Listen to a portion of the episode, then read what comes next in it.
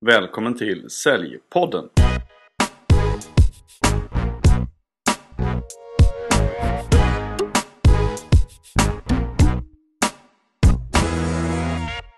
Idag har jag med mig den kanske klarast lysande stjärnan inom modern business-to-business-försäljning, nämligen Sara Larsen, marknads och säljchef på digitala marknadsföringsbyrån DoID. Och du har ju med hårt arbete och en tydlig utmejslad plan gått från några hundra kontakter på LinkedIn till över 4000 på bara något år och du skriver kontinuerligt jättebra och insiktsfulla inlägg som delas av massor med folk på LinkedIn. Och framförallt så levererar du riktiga resultat åt dina kunder, så välkommen till Säljpodden Sara! Tack så jättemycket! Det är lite konstigt när man hör någon annan beskriva en, men tack! Det här ska bli jättekul! Okej. Men du, du är ju på DoID nu, men vad har du gjort innan? Ja, innan DoID så har jag jobbat på ett flertal olika ställen. Jag tror att den röda tråden i min eh, arbetssituation hela vägen har ju varit försäljning. Eh, men jag började min bana 2004 på Sats, gymkedjan. Eh, mm. Och där jobbade jag i nästan fem år och hade förmånen där att jobba med försäljning mot först privatpersoner och sen mot business to business sidan och hade fantastiska chefer inom just försäljning som gjorde att jag kände att det här är, det här är min grej. Det här gillar jag mm. att på med. Eh, och sen så därefter så lämnade jag Sats efter fem år för att jag kände att det var dags att ta nästa steg mot lite mer komplex försäljning. Eh, och efter det så har jag jobbat med att sälja accountinglösningar och accountingtjänster. Jag har jobbat på eh, företag som säljer ERP-lösningar som företaget i fråga heter Deltech. Där jag jobbade med mycket stora komplexa affärer. Jag har jobbat mm. på Prospect Eye som är en, en lead en lead-genereringstjänst som man har, där man spårar besökare på sin webb. Eh, de ägs nu av Apsis och precis när Apsis gick in och köpte upp Prospect Eye eh, så gick jag vidare. Och sen så landade jag då för ett år sedan på DoID eh, som är en byrå som hjälper företag att digitalisera marknadsföring och försäljning egentligen. Men mm. tråden är försäljning hela vägen. Det är fantastiskt spännande att få vara med och se hur marknaden förändras över tid. Eh, och jag har alltid gillat att kunna hjälpa till. Eh, så det har passat väldigt bra. Mm. Men mm. vad är det för typ av liksom tjänster och uppdrag som ni liksom konkret gör på DoID då? Men konkret, typisk kundcase, så går vi in och tittar över hur deras nuläge ser ut när det gäller marknadsföringen och försäljningen. Eh, och synkar ihop det med deras tillväxtmål och kopior runt vad de ska, vad de ska göra på tillväxtsidan. Och sen mm. därefter så går vi in och så levererar vi både säljförändringsprogram eh, där vi stöttar säljteamet med att digitalisera sitt sätt att arbeta mot kund. Eh, samtidigt som vi hjälper marknadsavdelningen med att leverera innehåll, strategier, eh, sökoptimering. Egentligen allting som, som en typisk marknadsbyrå gör som är på den digitala sidan.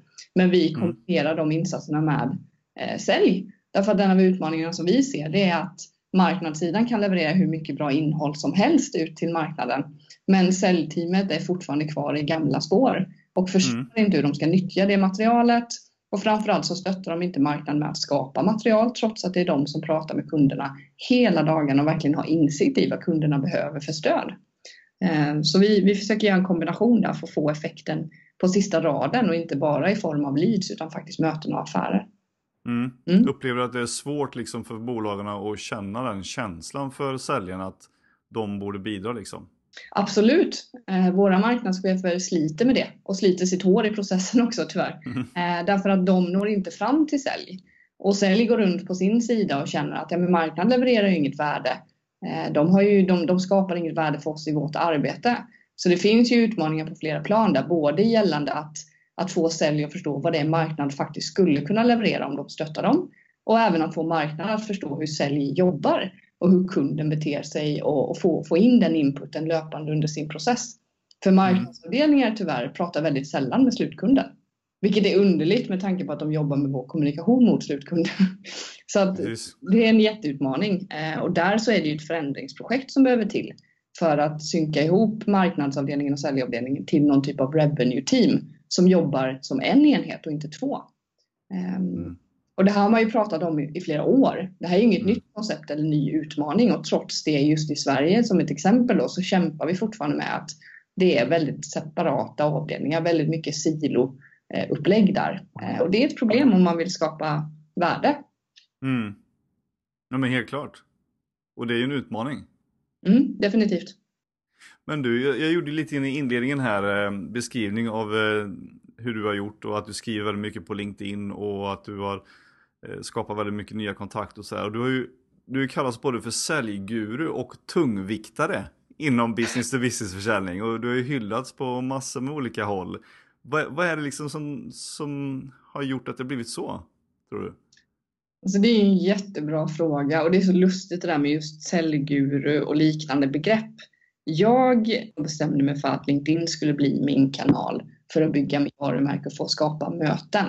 Eh, och jag kan tycka att gurubegreppet slängs runt på alla möjliga håll när det gäller sociala kanaler och sälj och liknande. Någonstans så handlar det om att det som jag gjorde tidigare i mina samtal med kunder på telefon eller i möten, det försöker jag göra på LinkedIn. Så, då, så det är ganska intressant hur man kan på ett år lyckas få någon typ av gurustatus trots att väldigt många som har sagt de här sakerna kanske inte ens har träffat mig. Eh, och det, det, visar ju på makten eller, eller möjligheterna i sociala kanaler eh, som, som de flesta säljare inte ens försöker tappa in i. Um, så det, ja, det, det, det, är spännande. Men det har funnits en, en, strategi bakom hur jag ska ta mig dit. Ungefär som jag la upp mitt arbete när jag jobbade med kalla samtal för att nå min budget. Det är samma saker som jag gör, jag gör bara det på en annan arena. Och det kräver ju andra typer av insatser. Istället för att sitta och ringa i fyra timmar i ringrace, som vi gjorde mycket till exempel på Prospect Eye, så lägger jag de timmarna på att skriva innehåll istället. Mm. Där jag hjälper människor som läser innehållen med olika problem de har utan att ta betalt för det någonstans. Därför att det är inte syftet. Syftet är att skapa förtroende eh, och hjälpa dem. Mm. Det är mitt slutsyfte. Jag vet att jag hade en, en kontakt som jag diskuterade med som sa att de säljarna som lyckas bäst är de som, som lider av obotlig nyfikenhet och någon typ av Florence Nightingale inställning till att hjälpa människor. Och, och jag tycker det stämmer så himla bra. Jag kan ha tio dialoger där två av dem blir möten och sen eventuellt då affär. Medan de resterande åtta samtalen blir inte möten. Utan jag bara mm. snuddar vid dem i den digitala världen, hjälper dem under, under en kort period och sen så går de vidare och utvecklas vidare på egen hand eller med hjälp av andra. Så man måste lägga bort den här att allting ska leda till affärer just nu. Man måste lägga bort den tanken för den fungerar inte i de här kanalerna. Eh, det, det, är en viktig lärdom som jag har fått med mig att, att jag lägger massor med tid på människor som, som jag kanske aldrig kommer göra affärer med. Men de i sin tur pratar med sina kompisar om mig. Och där finns affärerna. Mm. Så man måste vara lite mer långsiktig och våga lägga tid på saker som inte leder till en affär direkt. Ungefär som i ett fysiskt nätverk. Om man har varit med på BNI eller liknande, då är man ju inte på de mötena för att sälja till de som sitter i rummet. Man är ju där för att de ska ta in en hos människor som kan köpa av en. Eh, och det gör man ju bäst genom att bygga förtroende med dem i rummet så att de kan prata vidare om mig mm. utanför det rummet där nätverket sker fysiskt. Så det är egentligen samma sak som säljare har gjort i alla tider. Att prata med människor och hjälpa dem för att sedan få in de som är redo för att handla i sin, i sin samtalssfär och sen stänga en affär. Mm. Det är bara att du har kanske gått från eh, teori till praktik också och satt de här grejerna i, i verket istället för att bara prata om det. Det, det tror jag absolut. Eh, och när jag började på det, då skulle jag ju börja hålla utbildningar. Jag kan ju inte stå där och prata och vara en sån där inspiratör som sen inte lever som jag lär. Det går emot hur jag är som människa, så det var inte ett alternativ utan då var det bara att sätta igång och börja jobba. Sen så har det kommit en annan, den enda nackdelen som jag ser med det arbetet, eh, förutom att vissa kvällar går åt till att LinkedIna, som mina eh, kollegor kallar det att jag gör, eh, så är det att jag inte behöver ringa lika mycket längre. Och då tappar man ju den skillen. Så därför i min värld så är det så att så fort jag får en kontakt där det finns en potentiell möjlighet till ett möte, då lyfter jag lur. Så att jag inte glömmer bort hur man är trevlig på riktigt också. Mm. och inte bara via text. För det är nog rätt lätt hänt att man fastnar där i den, i den mm. sfären och så tar man inte steget till att det faktiskt ska bli en riktig relation. För den här relationen som ger oss affärer, den sker ju i ett möte och samtal. Den sker ju inte på LinkedIn, den börjar där. Eh, det ska börja där, samtalet ska börja där men sen avslutas i ett, ett riktigt fysiskt möte eller via Skype eller liknande så att vi kan få en, en riktig förståelse för vem är du och vem är jag. Vi gör ju fortfarande affärer med människor. Superviktigt att inte glömma bort det. Ja, precis. Mm. Du nämnde tidigare här om den här nya arenan då. Ehm, Och det man kan väl säga kanske att det har förändrats ganska mycket. Att det både har och kommer att ritas om business to business försäljningen. Men vad tycker du de, de stora skillnaderna då som vi upplever nu jämfört med ett antal år sedan? Alltså jag skulle säga att det har mycket att göra med hur skiftet har skett för vad makten ligger i en, i en kommunikation med en kund. Mm. Eh, I min värld så var det så att när jag började jobba med business to business försäljning eh, på systemsidan, då kunde jag alltid mycket mer än kunden. Och det här är kanske 5-6 år tillbaka. Så det är inte så länge sedan egentligen. Mm. Men jag kunde gå in med kompetens som kunden inte kunde hitta någonstans. Och så hade vi också en kundgrupp som inte var lika van vid att leta själv. Så jag hade med mig min ryggsäck in i mitt samtal som var min kompetens som system, min kompetens som implementation och min kompetens som process och hantering och verksamhet. Och kunde bidra med, med liksom värde i första mötet fysiskt, även om det var en kall kontakt. Så det fanns en anledning att träffa mig även om man inte var i köpläge just nu. Eh, och då kunde jag ju då börja bearbeta för att förflytta dem från status quo till att nu ska vi göra någonting aktivt och inte stanna kvar där vi är. Eh, Medan jag upplever att nu så finns inte den den maktförskjutningen som har skett innebär att kunden kan ju allt. Eller så här, kunden tror att de kan allt redan innan de tar kontakt med leverantörer. Mm. Eh, däremot så har de ju oftast hål i sin kunskap där vi kan fylla på. Men då behöver vi förstå hur vi får dem att inse att det finns hål som vi kan stötta dem i. Och i min värld så kan man då göra det med innehåll genom att se till att de förfrågningar som de har faktiskt fylls ut av min kompetens fast digitalt. Eh, om jag tittar på de artiklarna som jag skriver så skriver jag ju för en försäljningschef, för det är min, min eh, primära köpare. Och hans, hans inställning till de här sakerna är ju att han vet ju att han inte har lyckats förflytta sitt team till det digitala ännu. Han vet att det är ett problem, men han i vissa fall, han lider inte tillräckligt mycket av det ännu mm. för att tvingas att agera. Och då får, kommer man ju tillbaka till frågeställningen, vad händer om han inte agerar nu utan väntar i två år istället? Var är de andra runt omkring på marknaden, konkurrenterna? Vad har de tagit sig när du har suttit och rullat tummarna och väntat på att någonting ska göra så ont att du måste agera? Så jag försöker med mitt innehåll fylla i de här hålen i kunskapen som man tror att man har koll på och sen därefter ta ett samtal, vilket är mitt syfte. Men jag skulle säga att förändringen är kompetensen och maktförskjutningen. Kunden har all makt idag, eh, medan vi som säljare kämpar för att ens få komma med i spel. Eh, så var det inte riktigt tidigare. Tidigare kunde man faktiskt komma in med kompetens eh, som kunden, inte, eh, som kunden visste att den inte hade. Mm. Det ser inte ut så idag. Men hur tycker alltså. du man ska göra då om man, om man jobbar liksom med business to business försäljning då? Hur ska man göra för att komma in tidigare och liksom skapa trovärdighet och relationer och, och i slutändan kanske också få affärer då, men hur man gör för att arenan har ju ändrats på sig, så hur, hur gör man liksom i dagsläget? Alltså, om man tittar på hur vi jobbar med våra kunder. Först och främst så behöver man ju förstå hur kundens köpresa ser ut. Mm. Alltså om jag säljer en systemlösning. Säg att jag säljer, eller jag säljer IT-lösningar. Vi kan ta det som exempel. Jag säljer IT-lösningar i molnet som är mm. väldigt hippt just nu. Det ska ju alla vara i molnet. Mm. Så jag säljer IT-lösningar i molnet. Och sen så går jag runt och så pratar jag på LinkedIn till exempel, för jag försöker vara digital, så pratar jag om IT-lösningar i molnet och fördelar och nackdelar och, och möjligheter med molnet och så vidare.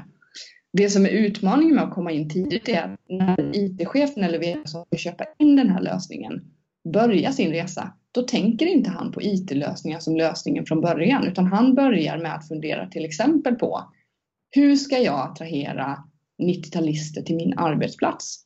Det kan vara hans problem. Att de inte lyckas få in tillräckligt många människor som är i den åldersgruppen, men han måste utöka sitt humankapital till att vara en mix av olika typer av åldersgrupper för att vara konkurrenskraftig framåt. Mm. Så då behöver han ju leta efter lösningar på det han upplever som ett problem med 90-talister. Eh, att en lösning kan vara en agil IT-miljö därför att 90-talister vill kunna jobba ifrån var de nu än är. Det har han inte förstått ännu. Och nu är vi väldigt tidigt i en problemställning för en kund som, som, där han kan få olika råd kring vad ska du göra för att attrahera dem och behålla dem. Och då måste man förstå vad är det han börjar? Istället för att bara stå i beslutsläge när kunden är i beslut och redan har förstått. Ett, jag har problem med digitalister. Två, jag behöver en agil IT-lösning. Tre, vilken leverantör ska jag ha? De flesta människor som jobbar inom försäljning de står ju fortfarande och pratar i det sista skedet. Och då har man inte skapat något förtroende. Utan då landar man tillbaka i en prisdiskussion med kunder för att det är väldigt många som levererar IT-lösningar i molnet idag. Och vissa av dem har en, en, billigare uppsättning och vissa är dyrare. Men för att kunna ta ett, ett premiumpris för en tjänst, då måste du ha ett förtroende att du har annat att bidra med i form av kompetens. Inte bara en IT-lösning. Så det här kompetensbyggandet på, på digitala kanaler och även i samtal med kund. Man måste förstå vad är deras ursprungliga problem och prata om det. Jag säljer ju till exempel inte eh, coachning i hur man gör bättre kalla samtal. Men jag skriver väldigt mycket om det därför att det är det försäljningschefen tror är hans problem. Han har inte förstått att det handlar om en hel transformation utan han tycker att om jag bara kan få mina säljare att bli bättre på kalla samtal så försvinner det här problemet med att de inte får tag på någon. Och, det är ju ganska intressant liksom. För mig, för, för mig så blir det en väldigt, en väldigt konstig Eh, det blir en väldigt konstig, eh, det är ett konstigt sätt att se på det. Därför att någonstans är ju inte problemet att vi suger i telefon och är dåliga där. Problemet är att det är ingen som svarar. Folk svarar inte i telefon. Eh, och om de svarar så kan de ju googla dig under samtalet och då kanske du är rökt för att er, er webb och din närvaro inte talar till hans faktiska problem. Och då skulle det i det här fallet till exempel kunna vara de 90-talister. För det står ingenting om att man måste ha beanbags på er webb. Det står ju bara IT-lösningar. Och det är inte hans, det, men förstår du, det är inte hans problem. Man måste backa bandet och börja skriva om det som kunden tror är det faktiska problemet. Och sen med samtal leda den, eller dialog via LinkedIn eller via kanaler eller via telefon, ännu bättre, leda dem till en slutpunkt där de förstår att ja, men med hjälp av en agil IT-miljö så kommer mina 90-talister att vilja stanna hos oss, för då ger vi dem den arbetsmiljön de vill ha. Men upplever du att, eh, att många liksom kunder som ni har är inte, inte riktigt har en omvärldsförståelsen för just de här sakerna? Framförallt kundförståelsen skulle jag säga. Alltså, alltså mm. jag tror att alla som, som vi träffar på, de förstår att det har skett en förändring. Um, och vill, vill anpassa sig till det. Även de som inte handlar av oss förstår det här. Eh, för det räcker ju med att man öppnar, en, en, öppnar IDG så ser man ju den här förändringen som sker när det gäller det digitala och hur det påverkar innovation och vår anställningskapacitet och liknande. Men jag tror att man inte har tillräckligt djup förståelse för vad kunden faktiskt går igenom för frågeställningar. Och det som är intressant är att på ena sidan så sitter marknadsavdelningen och har inte koll på det här för de pratar inte med kunder. Medan en säljare som pratar med kunder hela tiden, de vet faktiskt om en del av de här frågeställningarna. För även om kunden söker sin information själv online så har inte frågeställningarna de har i sin process förändrats speciellt mycket. De har fortfarande samma invändningar. De har fortfarande samma orosmoment. De har fortfarande samma frågor. Och då måste ju sälj berätta för marknad hur möter vi dessa frågeställningar digitalt istället för via ett kallt samtal som vi inte kommer igenom på. Eh, så att marknad producerar innehåll som faktiskt stödjer kunden genom frågeställningarna. Och den bästa insikten där, det är att säljarna sitter på den. Och de sitter och i princip håller på den därför att marknad frågar inte dem för de vet inte om att de borde fråga. Och sälj tänker inte på hur det skulle kunna påverka kommunikationen. Eh, så det, det är väldigt eh, frustrerande när man tittar utifrån in på, ett sånt, på en sån organisation. Att de inte vet vilka frågor de ska ställa ens. För att de har ingen förståelse för hur kunden beter sig och hur kunden tänker. Eh, och det är ganska intressant i sig. Med tanke på att vi är ju kundorienterade bolag, de flesta av oss, som vill förstå vår kund. Men trots att vi är det så genomför vi till exempel aldrig intervjuer med kunder. Vi ställer aldrig egentliga frågor till dem. Att skicka ut ett formulär och be en kund fylla i en kundundersökning, det är inte att få en fördjupad förståelse för deras faktiska pains. Då måste man djupintervjua personerna i fråga. Eh, så när vi tar mm. fram den här typen av köparprofil runt den primära som man vill rikta sig till i sin kommunikation. Och det har vi gjort på bolag med allt ifrån HR-chefer till IT-chefer, VD, försäljningschefer, helt beroende på vad kunden säljer. Då genomför vi åtta djupintervjuer med befintliga kunder och eh, potentiella kunder för att förstå i första skedet med 90-talisterna, om vi tar det som exempel, vad är det du söker efter? Så att vi kan möta dem med vårt innehåll. Och i fas två när man mer går in och tittar på metoder för att implementera och liknande, vad är det du behöver då? Och vad är dina, vad, vad håller dig uppe på nätterna? Får man gå till en HR-chef till exempel, då kan ångesten vara väldigt konkret runt att ja, men vi vill, vi vill eh, få, få en bättre arbetsmiljö. Väldigt fluffig men konkret därför att det är en specifikt område man vill påverka. Men medan deras egentliga eh, issue som, ligger, som gör att de ligger vakna på nätterna är om vårt humankapital inte förändras och förbättras över tid nu så kommer mitt jobb att vara i fara för vi kommer inte överleva som bolag. Mm. Det är en helt annan frågeställning. Så då är frågan vad fokuserar vi på i kommunikationen? Fokuserar vi på rädslan runt att inte kunna behålla sitt jobb för den här individuella personen kopplat till humankapital? Eller fokuserar vi på så här får du en fin arbetsmiljö. Köp en kyl till kontoret med mat i. Alltså det är, det är två helt olika frågeställningar. Mm. Det beror ju såklart på vad man säljer också. Men jag tänker liksom eh, de, de säljarna då som ska komma in på den här arenan som kanske inte har varit där tidigare. Vad kommer det liksom att eh, jag ska inte säga krävas, men, men är det så att, att säljarna generellt sett tycker du har för lite kunskap själva om vad det är som krävs av säljare nu för tiden? Det tror jag absolut. Eh, vi jobbar mycket med traditionella säljare, alltså säljare som började sin bana med att åka runt och bjuda på kaffe och bullar på kundmöten. Mm. Med mycket referensmarknadsföring om man hade en lokal marknad till exempel.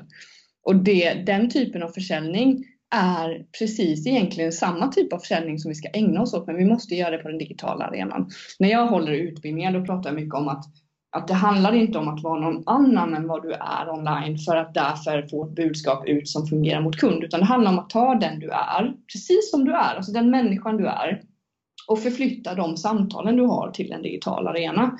Så att när jag, eh, när jag delar på LinkedIn till exempel, när det gäller det här med att vara genuin, då, då missbrukar jag emojis så fruktansvärt. Eh, och det gör jag även i sms till mina kunder och mejl och, och så vidare. Och det är ju för att det är sån jag är som människa. Jag gillar helt enkelt emojis. Det finns ju människor som tycker att det är jättejobbigt och som inte alls tycker det är professionellt. Men jag vill ändå inte jobba med människor som tycker att det är ett problem, för det är inte människor som jag kommer ha roligt att jobba med. Så det är okej okay för mig att 10% faller bort för att jag använder emojis. Medan de flesta som jag då får in arbete hos, de tycker att det är härligt och befriande. Att det är okej okay att vara sig själv i de här kanalerna. Mm. Genuinitet är ju en viktig del för att det ska funka. Jag vet att jag hade en deltagare på en social selling-utbildning och då hade vi gått igenom lite så exempel på vad man skulle kunna skicka in kontaktförfrågan för att få ett accept på sin kontaktförfrågan på LinkedIn. Mm. Och så satt hon där och funderade en stund, så räckte hon upp handen och så sa hon att Sara, det här är inte jag. Jag skulle inte skriva så här. Och då sa jag till henne enkelt, okej, okay, men om du skulle sitta med personen framför dig och ville byta kontaktuppgifter och få en första kontakt, vad skulle du säga? Och så sa hon precis som hon skulle säga. Och så sa jag, skriv det då. Då ska du skriva precis så i din kontaktförfrågan, för det är ju hur du är. Mm. Så man måste hålla sig genuin. Och sen så räckte hon upp handen en timme senare så hade hon fått ett möte. Mm. Därför att när hon väl träffar kunden sen, då måste det ju vara samma person kunden träffar. Man kan inte vara en typ av människa på LinkedIn till exempel och sen i mötet så är man någon helt annan typ av människa. Det blir en enorm disconnect och det som händer då, det är att kundens förtroende genast går ner. Precis. Just den disconnecten. Mm. Så jag tror absolut att säljare inte förstår, jag tror att de är rädda. Jag tror att säljare är rädda generellt för att de vågar inte vara på det här öppna forumet för de är så oroliga att de ska göra fel. Jag har gjort så himla mycket fel under det här året. Ja. Det är inte, man måste vara modig.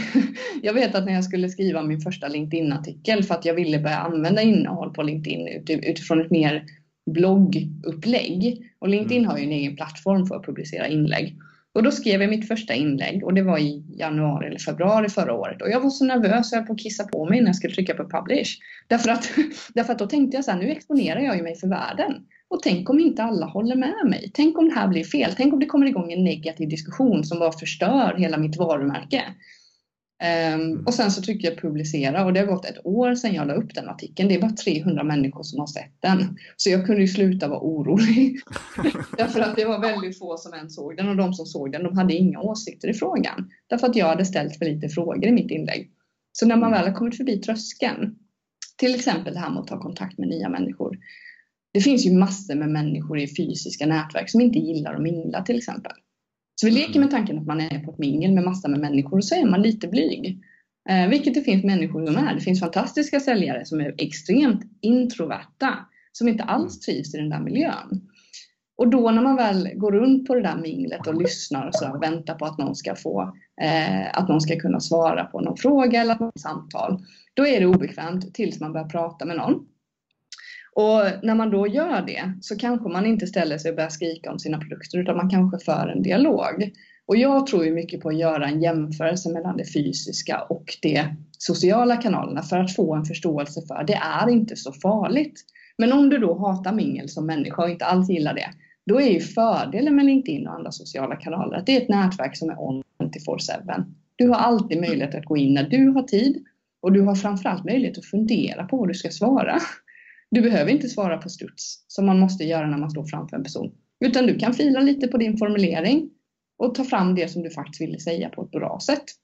Så människor som är introverta kan ju verkligen ha en jättenytta av de här kanalerna, för då behöver de inte vara oroliga för den här, hur ska jag hantera det här om det dyker upp direkt? Men jag tror att man måste våga. Jag menar de flesta säljare som har ringt kallt, de kommer ju ihåg sitt första kalla samtal. Det är ju så läskigt så att man kan dö. Ja. Lyfta luren. Um, och när man väl har gjort 50 sådana samtal, då har ju den känslan förhoppningsvis vikit undan för någonting annat. Och det någonting annat är att det här är ju okej. Det var inte så hemskt att göra fel de där första 49 gångerna. Därför att nu fick jag ju mitt möte. Mm. Och så måste man approacha sociala kanaler och LinkedIn också. Våga göra fel. Fördelen med LinkedIn är att du kan ju delita en kommentar. Ja. Så skriver du något som du kommer fram till att det här var inte så jäkla genomtänkt. Då kan du ta bort det. Det är ju en jättefördel. Mm. Medan du inte kan sudda en kommentar som du slänger ut i ett möte. Då är du ju körd. Där ligger ju det, det, det, det ämnet som du pratar om ligger ju där på bordet öppet. Mm. Och kunden har hört dig. Du kan inte ta, ta tillbaka det. Det finns ingen delete-knapp i riktiga möten. Nej, precis. Tyvärr.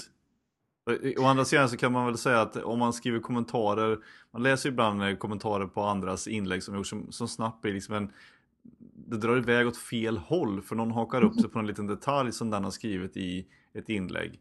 Ja. Och då är det ganska jobbigt för den som har skrivit det för då måste han bemöta den lilla detaljen som inte alls var ämnat att det skulle handla om. Har du också varit med om det?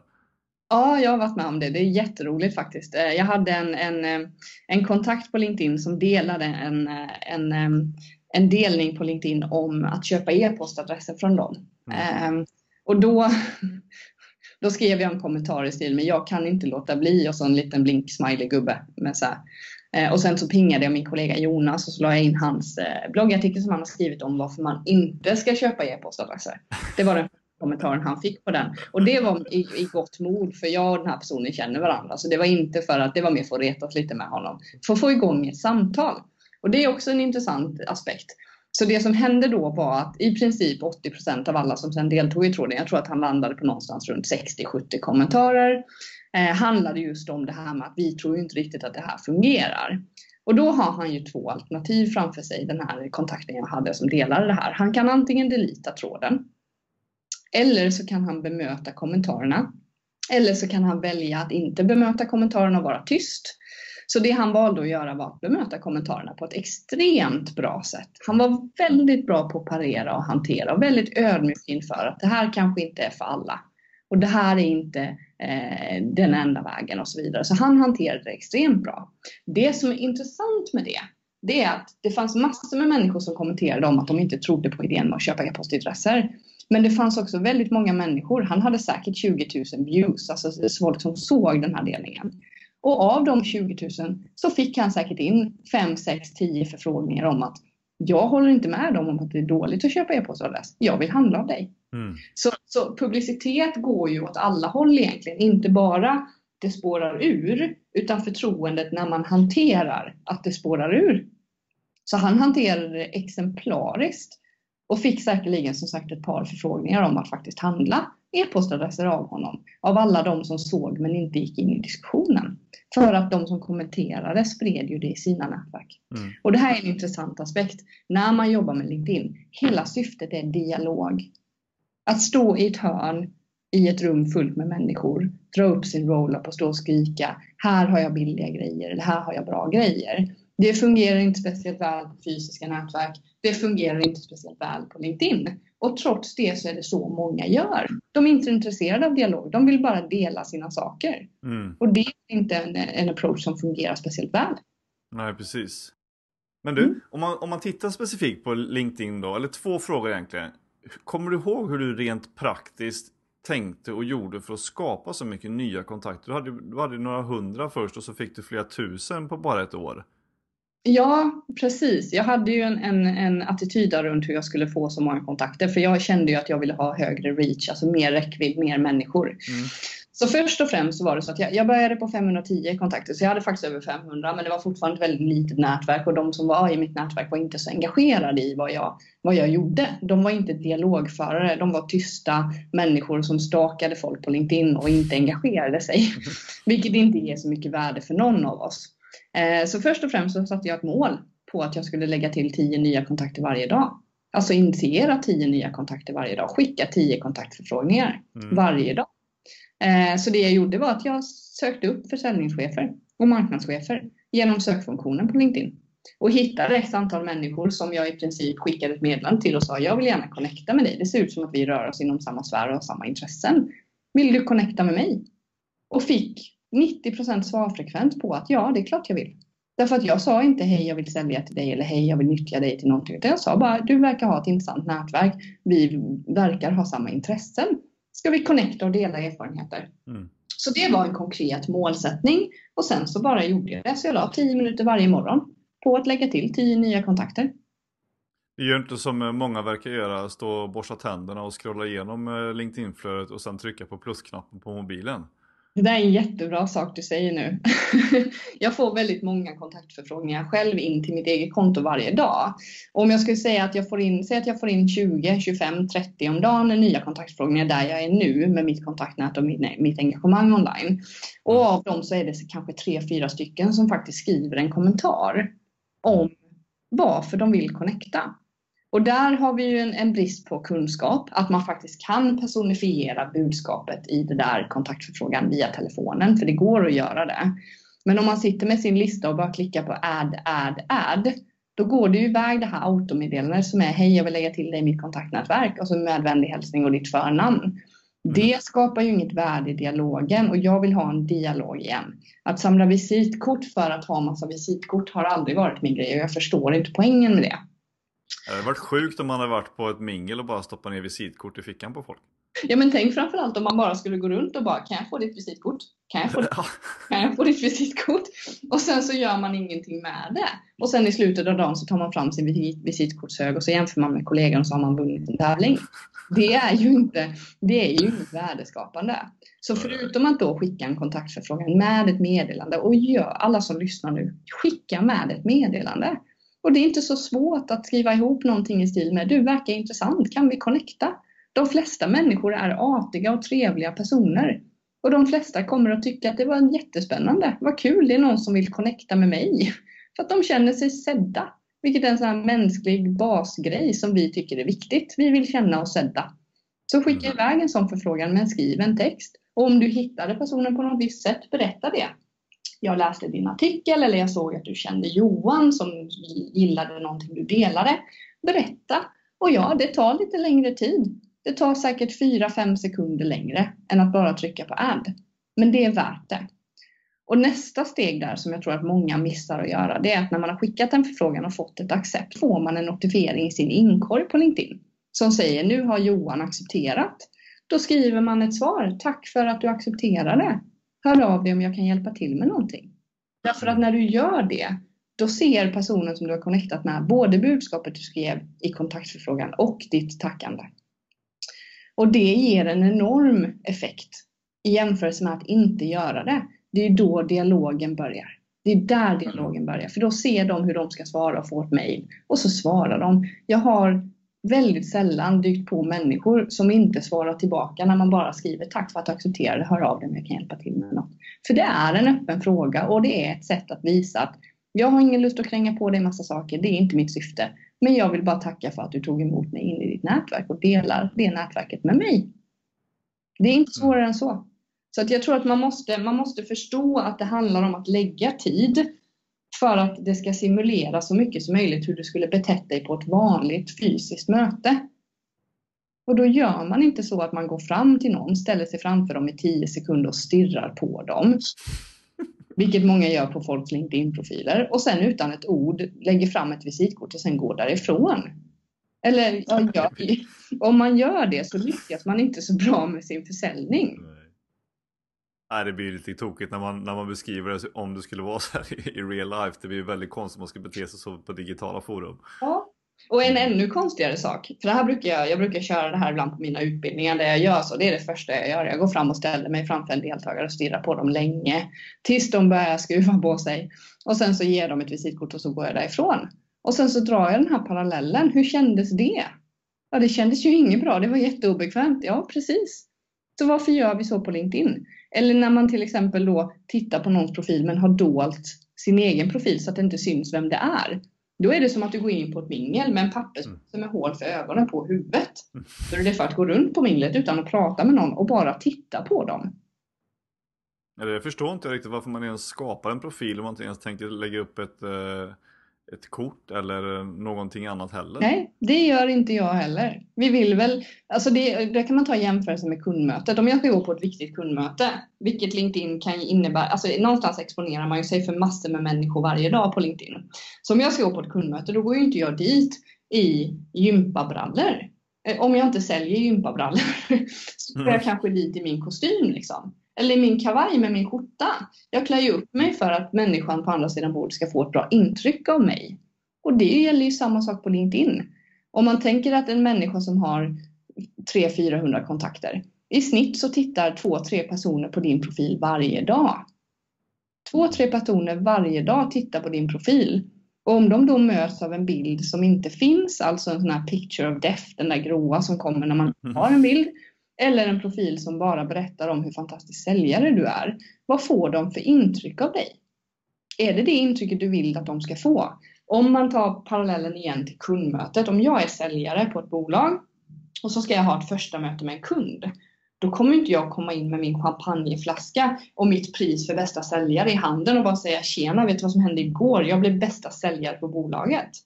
Det är inte approachen du skulle ha. Och trots det så är det väldigt många på LinkedIn som lägger upp bilder på när de står och har tagit emot det där. Mm. Att de är bästa säljare och ser ut som nidbilden av en säljare som, som man inte får förtroende för. Men du skulle aldrig göra det när du träffar en kund, så varför gör du det online? Lägg upp den bilden på Facebook. Jobba med Precis. värde på LinkedIn. Jobba med Facebook för allt annat. Det är, är även i, i titeln som det som beskriver som, som eh, världens bästa säljare, ja. något liknande. Ja. Känns jättekonstigt. Eller, eller om man ska vara krass, säljguru. Vad är det mm. för upphöjt begrepp som man ska använda? Det, är ju liksom inte, det har ju ingenting att göra med vad man levererar för värde till kund. Och där tror jag också att många säljare idag, de har en LinkedIn-profil. De går runt och stakar eller tittar på profiler och gör sin research online och det är jättebra att de tittar på vilka som är beslutsfattare och var de har jobbat tidigare så där, för att hitta en, en bra samtalspunkt med kunden.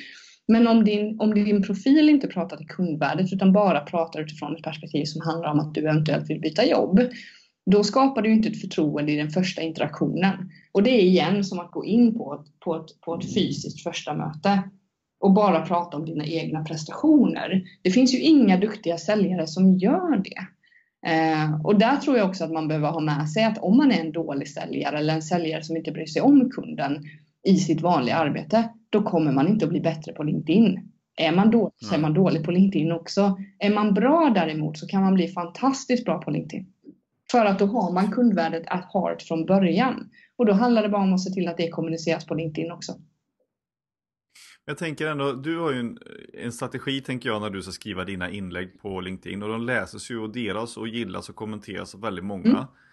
Men det känns ju som det är ganska få säljare på bolag generellt nu som använder det, både LinkedIn eller andra kanaler, de är kanske främst LinkedIn för social selling och liknande, för att bygga relationerna eller skapa innehåll som, som liksom ger det här värdet till sina kunder. Nej, jag håller med dig.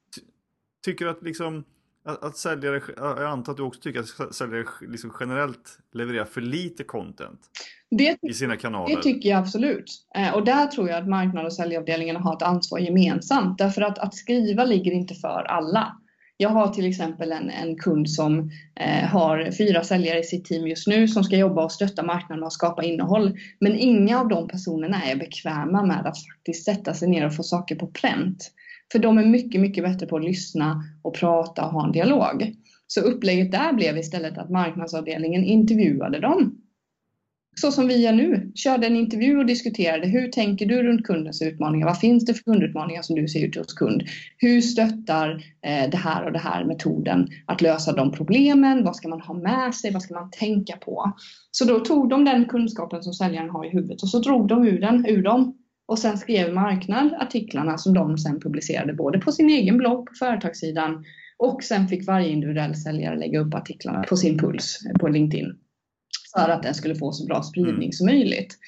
Och i, i, min värld så är det så att om vi är väl, om man känner själv att jag är extremt, extremt dålig på att skriva eget innehåll. Gör en artikelserie och intervjua dina kunder då. Skriv, skriv artiklar där man, där man ställer tre frågor, samma frågor till de VDarna som du har i ditt nätverk, om det är VD du vill nå, där du pratar om tillväxtmål, digitalisering och liknande. För det de är intresserade av och vill prata om, det kommer andra VDar vilja läsa om. Så, så ta hjälp av andra då. Om du tycker det är en utmaning, men skriv artiklar. Sätt som målsättning att jag ska skriva två artiklar på LinkedIn varje månad. Och sen kommer det att ta 4-5 timmar första gången du skriver en artikel, andra gången och tredje gången och sen så börjar du komma ner i tid. Jag kan ju skriva en artikel idag på en och en halv timme, men det tog tid innan jag kom dit. Mm. Och jag tror också att man behöver fundera på vad är det jag ska skriva om? Om jag skulle, om jag skulle ge dig ett blankt papper nu och säga så här, skriv en artikel till en VD. Mm. Då hade det varit ganska svårt, eller vad tror du? Mm, ja, det skulle ta en stund. Det skulle ta en stund. Så det marknadsavdelningen kan göra, eller försäljningschefen för den delen, det är att ge sina säljare, här är din titel. Det här ska artikeln handla om. Så att man får lite styrning. Och har man en titel, om jag skulle ha en titel som heter Hur digitalisering påverkar företag inom e-commerce till exempel. Bra! Då har vi en artikel, jag vet vilket ämne och jag vet vad, vad, liksom, vad innehållet ungefär ska handla om. Och sen behöver man också då säga till personen som ska skriva vem han ska skriva till. Alltså vem är mm. mottagaren som borde vara intresserad av det här? Är det en VD? Är det en e-commerce manager? Är det en IT-chef? Så att kunden eller personen som skriver kan föreställa sig att han sitter framför den här personen och pratar med personen. Så innehållsskrivande är inte bara att sätta sig ner och börja knattra. Men med lite stöd som inte kräver så mycket arbete så kan man komma igång mycket, mycket lättare. För min del så vet jag ju att min försäljningschef igen då bryr sig om kalla samtal för att han tror att det är problemet. Så då skriver jag mm. det. Och sen så ger jag honom andra metoder som kan hjälpa honom på vägen till att kalla samtal inte ska behövas. Det är min köpresa för min kund. Ja, jag vet att du tror att kalla samtal är problemet. Egentligen är problemet att ni inte har någon koll på hur kunden handlar. Låt oss ta reda på det och låt oss hjälpa dig. Eller så här kan du göra det själv om du vill göra det själv. Så hela resan där handlar om att flytta kunden till en punkt där de förstår att det här kan vi antingen ett göra själv, men vi kan göra det på de här sätten. Alltså, jag gillar Sara, får ge mig råd. Eller två, vi kan inte göra det själv och därför behöver jag hjälp. Sara verkar förstå hur hon ska hjälpa oss. Jag behöver ta kontakt med henne. Så mm. det handlar ju om att skriva innehåll som inte bara pratar om det man säljer. Jag är så trött på att läsa människors delningar som handlar om att nu har vi en fantastisk kampanj här på Office 365 eller nu, nu har den här kunden köpt det här. När det inte finns någon storytell och värde för kunder som är tidigt i sin köpresa utan det bara handlar om produkt och tjänst. Det är så mm. tråkigt material. Så även om jag skulle ha ett problem så skulle jag ändå inte vilja lösa det med hjälp av de som bara fokuserar på det. Fokusera på mig. Vad är mitt problem som kund? Vad är det jag bryr mig om? Vad har jag för problem? Vad håller mig uppe på nätterna? Prata med mig om det, för det är värde. Jag tänker att eh, eh, många gånger så, om man ska vara lite elak här, så känns det som att de, de nya, lite yngre bolagen är mycket, mycket bättre på att våga nyttja de här kanalerna än vad lite mer etablerade och äldre företag mm. Varför tror du att det är så? Är det beroende på att det är så mycket sopar och allt annat som åh, hysch hysch, vi får inte berätta någonting om företagets hemligheter. Det kan vara konkurrenten kan ta upp det och, och ta nytta av det. Eller vad tror du att det är? Alltså jag tror att det finns två faktorer i det där. Det ena är att yngre företag är mer, alltså om man har en yngre arbetsstaff på plats så är de mer vana vid sociala kanaler. Och de är mer vana att vara genuina där de förväntar sig att man ska vara genuin där. Så de går inte runt och funderar på, borde jag skriva så här eller så här? Utan de bara skriver det de tycker. Sen kan ju det vara en, en tunn linje att vandra på någonstans, för man måste ju vara lite lite i linje med vad företaget står för. Därför att annars blir det ju kanske negativ marknadsföring för bolaget om man sitter och skriver på LinkedIn om hur dålig arbetsgivare man har och liknande. Och det är ju inte värdefullt för någon part. Nej. Men jag tror att det finns en, en, en annan typ av genuinitet. Och sen tror jag också att företag som anställer väldigt mycket unga människor, de har en annan inställning till vad närvaron online ska betyda för företaget. Och vad närvaron online ska betyda för den personliga eh, det personliga brandet för den individen.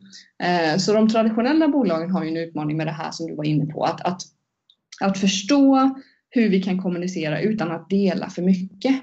Både med konkurrenter och med potentiella kunder. För tänk om de lär sig allting och gör det själva.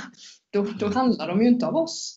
Och någonstans så är det, så är det ett, ett, ett förlegat sätt att se på det. Därför att då utgår man ifrån att man vill fortsätta behålla den här ryggsäcken med kompetens som jag pratade om i början av vårt samtal, det här med att jag kan mer än dig kund. Så mm. därför tänker inte jag dela det med dig förrän du betalar mig konsultarvode för det. Och någonstans är det så att, att, att jag skriver en artikel om kalla samtal eller om jag skriver en artikel om hur inbound marketing som vi jobbar mycket med, hur det kan stötta en marknadsavdelning. Det kommer fortfarande att leda till i de flesta fall att kunden förstår att de behöver hjälp. Eh, men jag delar mycket konkreta tips om hur de kan påbörja resan. Så jag, jag, tror att, att inte våga dela för att konkurrenterna ska se. Det som händer när man börjar dela saker som företag och vågar ta ut svängarna lite, det är att konkurrenterna blir jävligt rädda om man ska vara krass. För de gör ju ingenting sånt.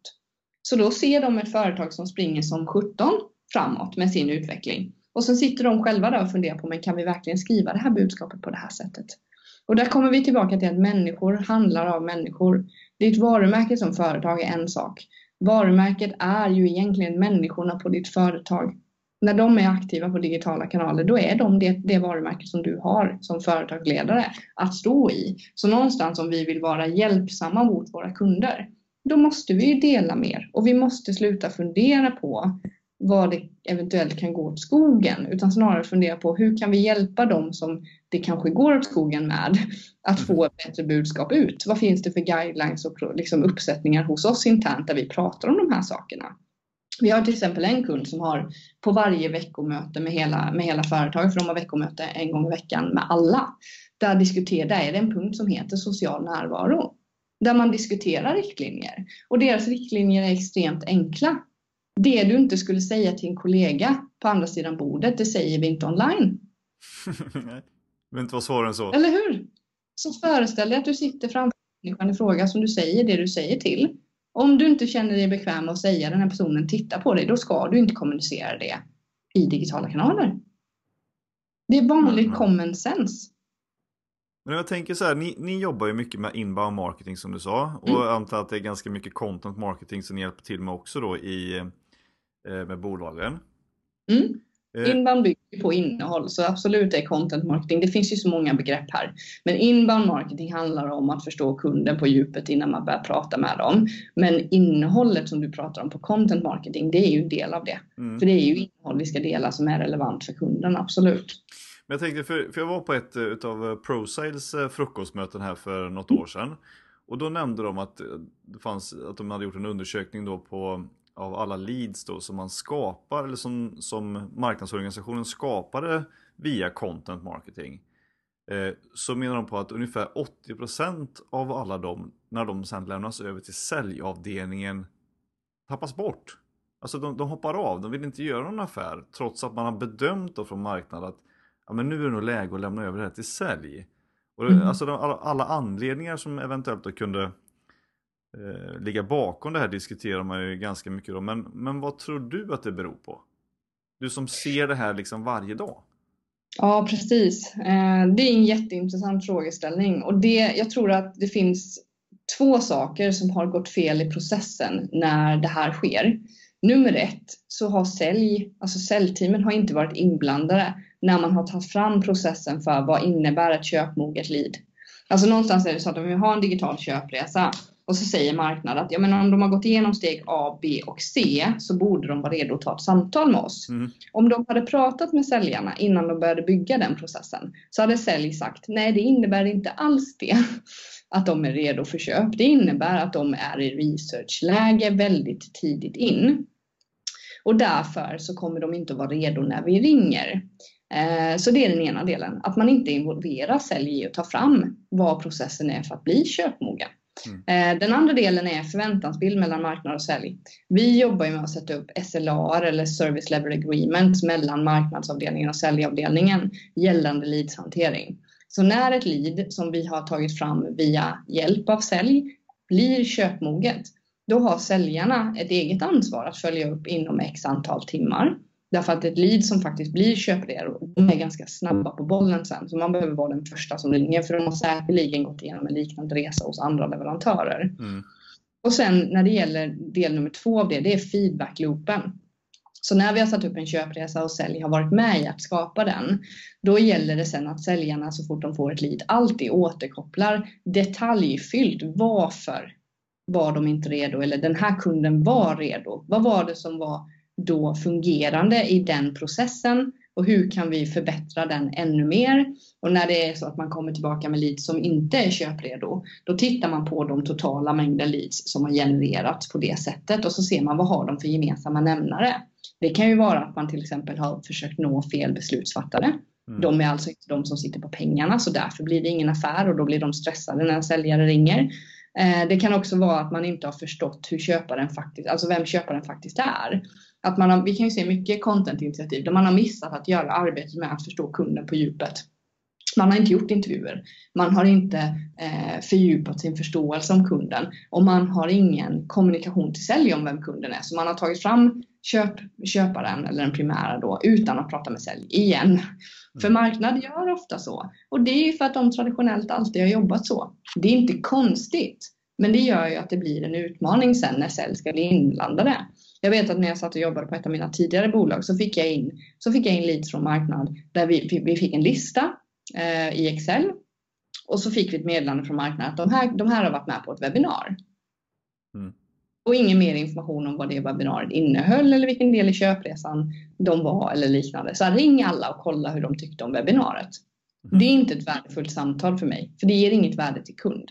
Att jag ringer och frågar vad de tyckte om webbinariet kommer inte att skapa värde i deras verksamhet eller i deras dag. Mm. Det kommer bara vara ett störningsmoment. Däremot om jag hade fått tillbaka, som, äh, fått tillbaka budskap på marknaden där de sa att de här, de här fyra leadsen, inte de här 200 som var på webbinar, utan de här fyra leadsen har varit på två webbinar. De har varit på ett webbinar som är i, i medvetenhetsfas i början av köpresan. De har genomfört ett webbinar som, som handlar om metod och hur.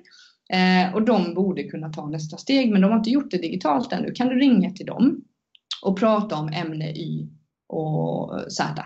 För de är intresserade av de ämnena och ställa lite frågor till dem runt vad det är de har för faktiska problem. Det, de samtalen skulle jag ta utan problem. Mm. Och nu är jag som person ganska ja, utan rädsla. Så till och med det samtalet kan vara läskigt. När man inte har haft någon interaktion med kund så ska man då ringa efter ett webbinar som man kanske inte ens har tagit sig tid att se på själv så man vet inte vad det handlar Nej, om. Och, och ha ett samtal om vissa ämnen.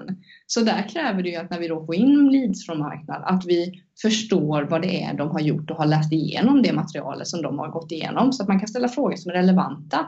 Så sälj måste vara med från början. Så vi kan inte sitta på marknadssidan och skapa kampanjer utan att sälj är med och accepterar och committar sig till att inom 12 timmar, 6 timmar, 24 timmar så ska de här leadsen i den här köpresan som jag varit med och skapat, de ska följas upp med ett samtal av mig.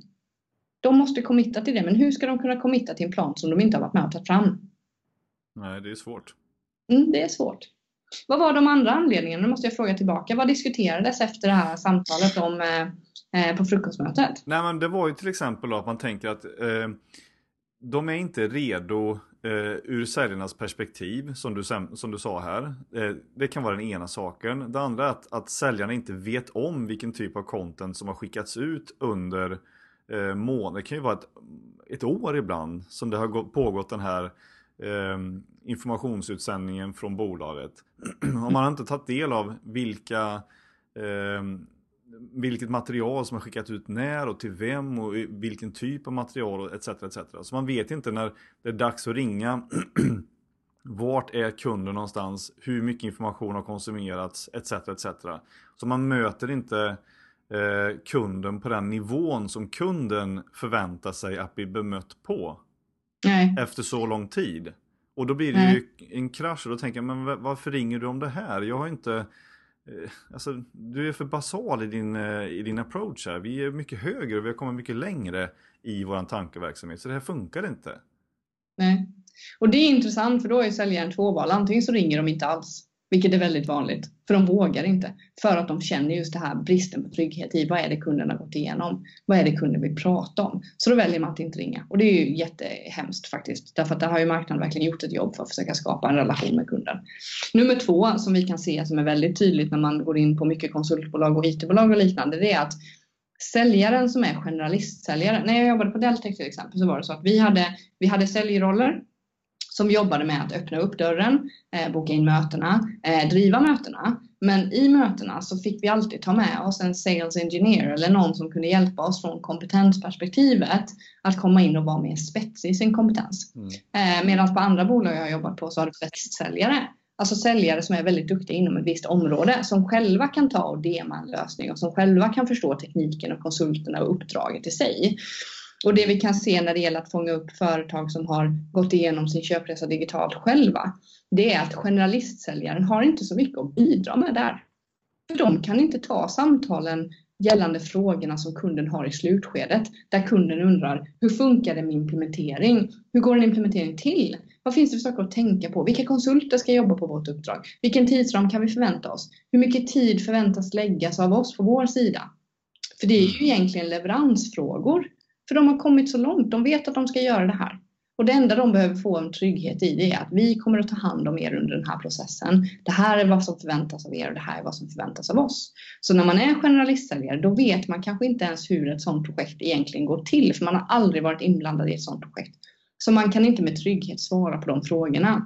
Medan en specialist oftast har varit konsult tidigare eller har varit inblandad i leverans och kan verkligen förstå och svara på kundens frågor vara ärlig och genuin i de samtalen som behövs. Så det är en jätteintressant aspekt.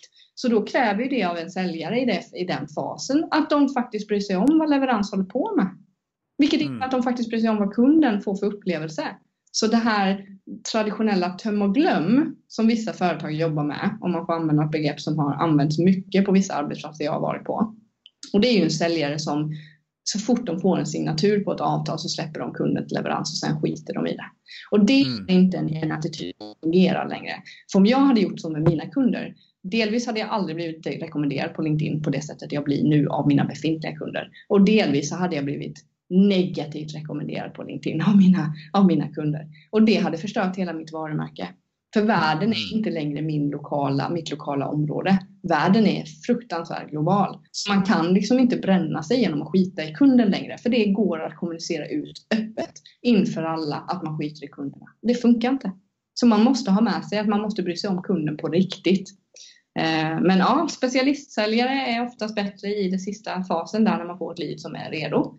Och sen så den andra saken som man måste stötta sälj med det är ju att det måste finnas ett system som man kan gå in i. Mm. Där man kan se vad som har skett i kundens köpresa. Alltså vad är det kunden har gjort hela resan?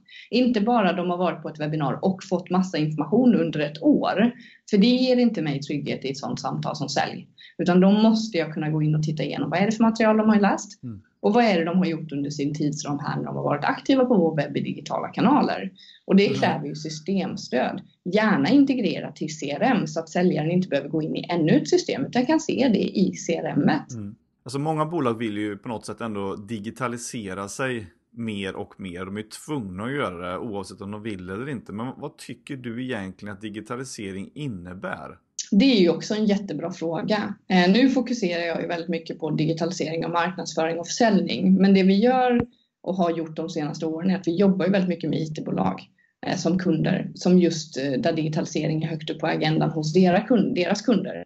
Och jag hade en, en, diskussion med en gammal chef på LinkedIn där en kollega till mig, eller en kollega, en, en kompis till mig kom in som heter Johan Grufman Eh, som jobbar som IT-chef på ett stort bolag. Han, han skrev att jag tror inte bara att man kan sätta en digitaliseringsplan och sen implementera och hoppas att alla hoppar med på båten. Och med digitalisering i våra sammanhang så är det ju att vi måste låta det digitala stödet som finns tillgängligt stötta vår innovation och konkurrenskraft. Så digitalisering är ju självklart att ha IT-miljöer som stöttar de processer vi har på, i en verksamhet. Men digitalisering i min värld handlar också om att vårt beteende som individer behöver ske på andra arenor. Om vi har forum där vi kan dela kompetens istället för att gå på möten och dela kompetens så kanske vi kan dela det i sådana forum som ändå är tillgängliga online. Att ha en molnlösning som alla, vill, alla kan ha access till på ett enkelt sätt. Ja, men det är ju ett steg för att säkerställa att människor som vabbar eller som är hemma eller som vill jobba utifrån kan göra det. En annan sak som jag tycker är en typiskt tecken på att digitalisering fungerar, det är ju att köra, jag kör ju väldigt mycket av mina möten via Skype, för vi jobbar i hela Europa. Jag har ju kunder som jag aldrig har träffat fysiskt. Mm. Stora affärer som vi har stängt, som jag aldrig, jag har aldrig varit hos dem. De har aldrig varit hos oss. Utan vi jobbar remote hela vägen. Så man behöver ha systemstöd på plats som gör att det underlättar att bli effektiv i sin verksamhet. Systemstöd utifrån vad det är ni ska uppnå. Och uppnådda mål kan ju vara till exempel då att få en, en, en sänkt eh, en sänkt kostnad för varje, varje kund som vi tar in. Att det kostar mindre att ta in en kund än vad det gör idag genom att vi till exempel väldigt enkelt använder Skype-möten istället för fysiska möten. Förutom samtalet när vi ska diskutera pris och köra en avtalsförhandling för då kan det ju kännas ganska bra att sitta eh, på varsin sida bordet och ha ögonkontakt på riktigt. Eh, men där, där har vi gjort, det har vi gjort över Skype också. Vi sitter ju med video jag har väldigt sällan Skype-möten utan video, utan det är bara på med kameran så jag ser dig. Så att vi kan bygga en relation. Och det funkar utmärkt. Och jag vet ju väldigt många säljare som tycker att nej, det kan man inte göra. Man måste ses. Det är där relationen mm. byggs. I den fysiska interaktionen. Och det är bara för att de inte är vana. Beslutsfattarna däremot, och det här vill jag trycka stenhårt på.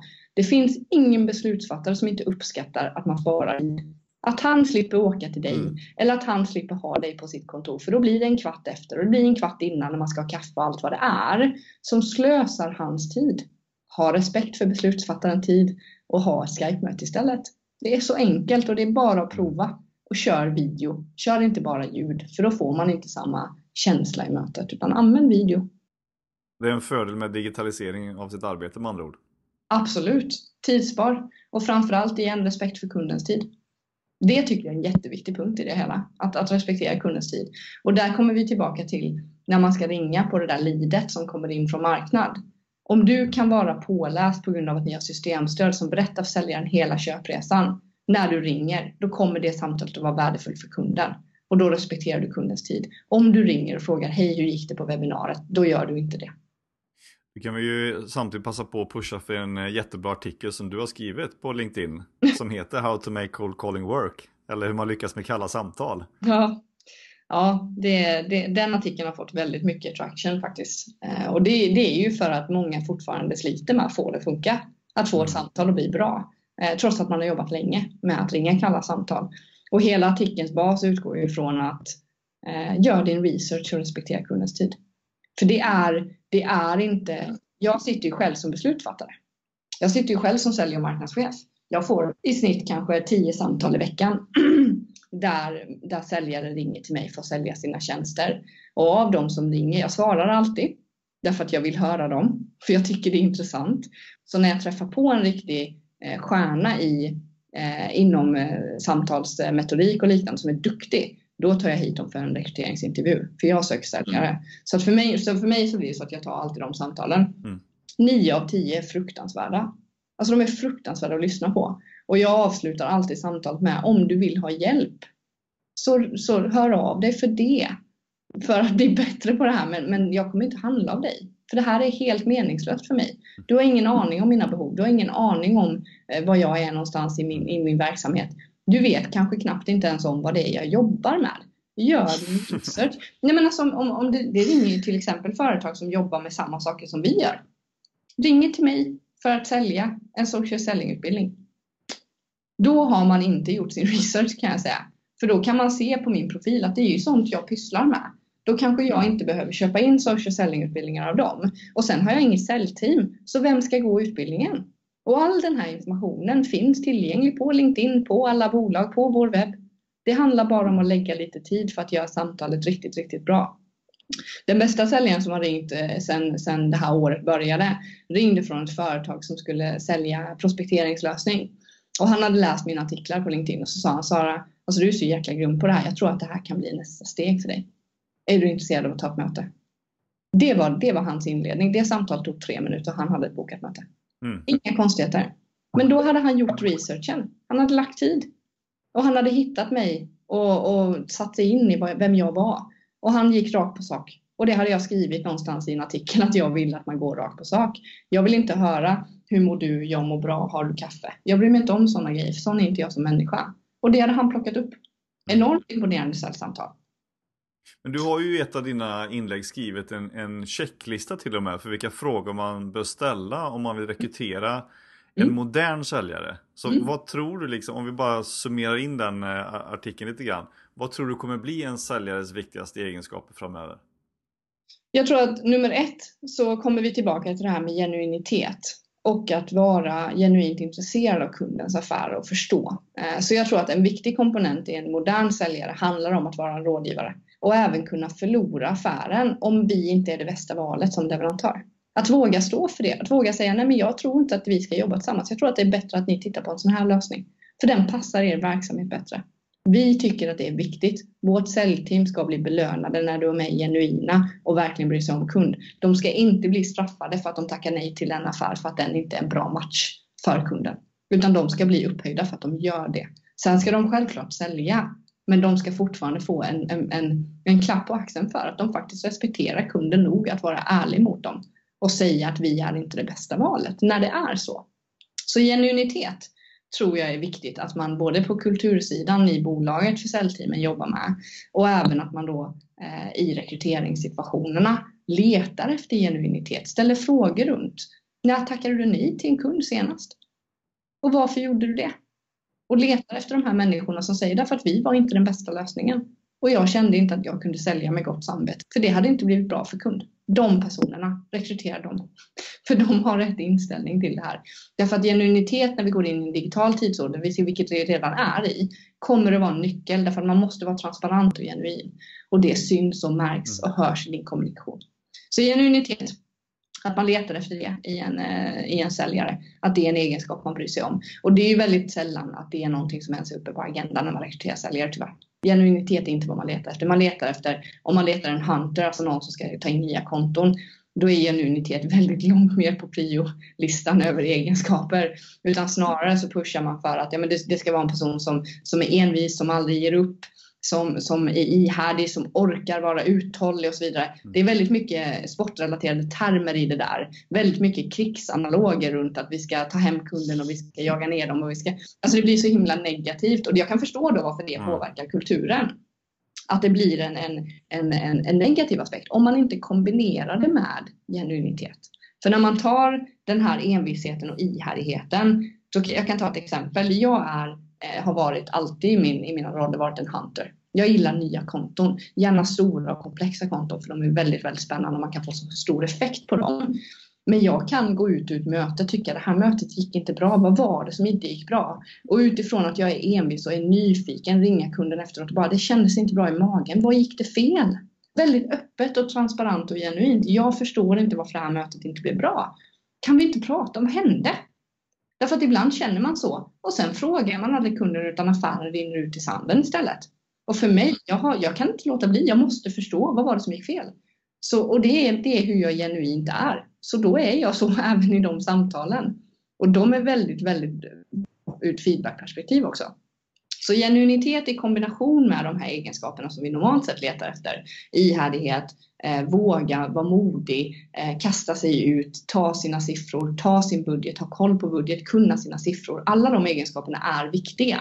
Men de måste kombineras med en genuinitet och sen även en förståelse för hur digitala kanaler fungerar.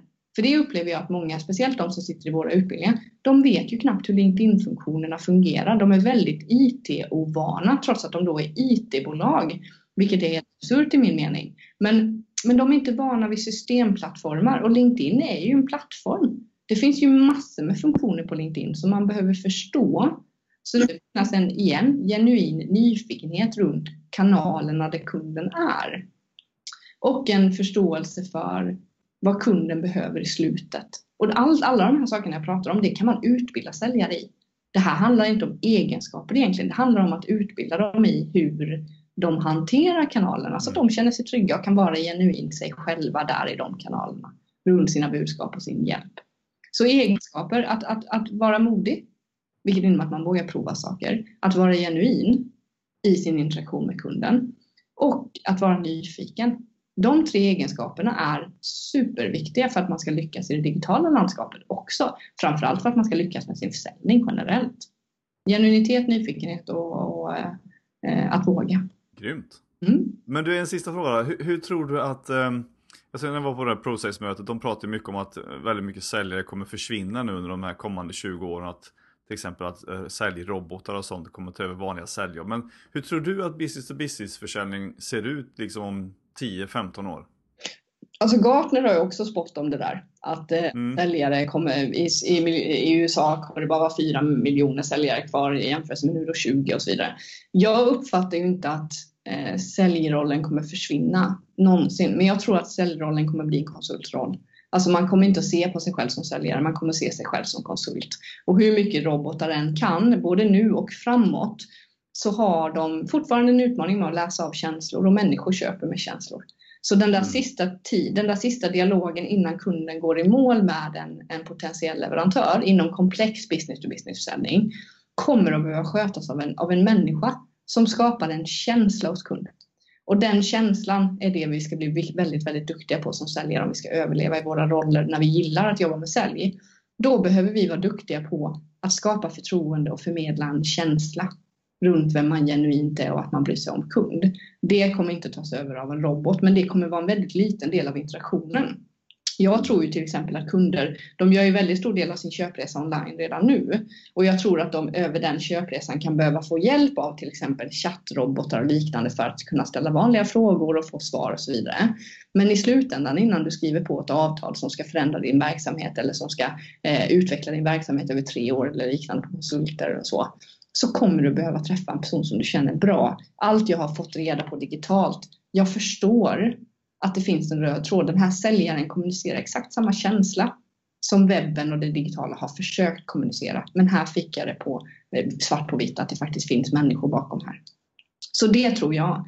Sen 15 år framåt i tiden, herregud, jag tänker att vi har flygande bilar då. Jag, jag kan inte ens föreställa mig, med, med tanke på hur snabbt det går med, med den digitalisering som sker nu. Det är helt fantastiskt. Men jag tror att, att konsultroll. Ja, det är grymt. Mm. Intressant. Mm. Men du, om man lyssnar på det här och tänker att eh, Sara Larsson hon bara måste komma hit och hjälpa oss, vi har grymma problem. Hur tar man då enklast kontakt med dig? Eh, ja, det lättaste är nog LinkedIn skulle jag säga. Eh, LinkedIn är kontaktytan där jag har, jag har fler mejl i min LinkedIn-korg än vad jag har i min vanliga mejlkorg, vilket är en fantastisk konstig upplevelse.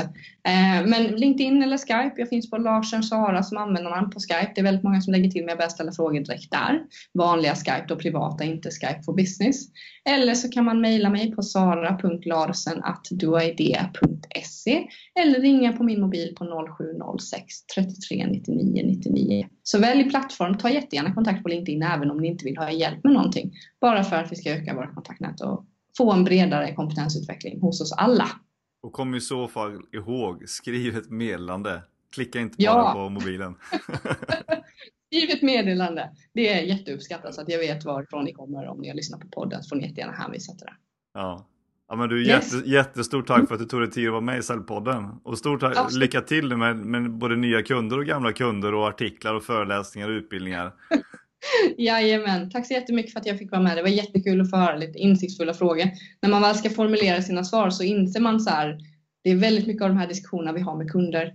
Så det är spännande frågeställningar. Eh, så jag hoppas att jag kunna skapa lite värde i vårt samtal idag. Absolut. Tack så ja. jättemycket. Super, tack så jättemycket. Hej då! Hej!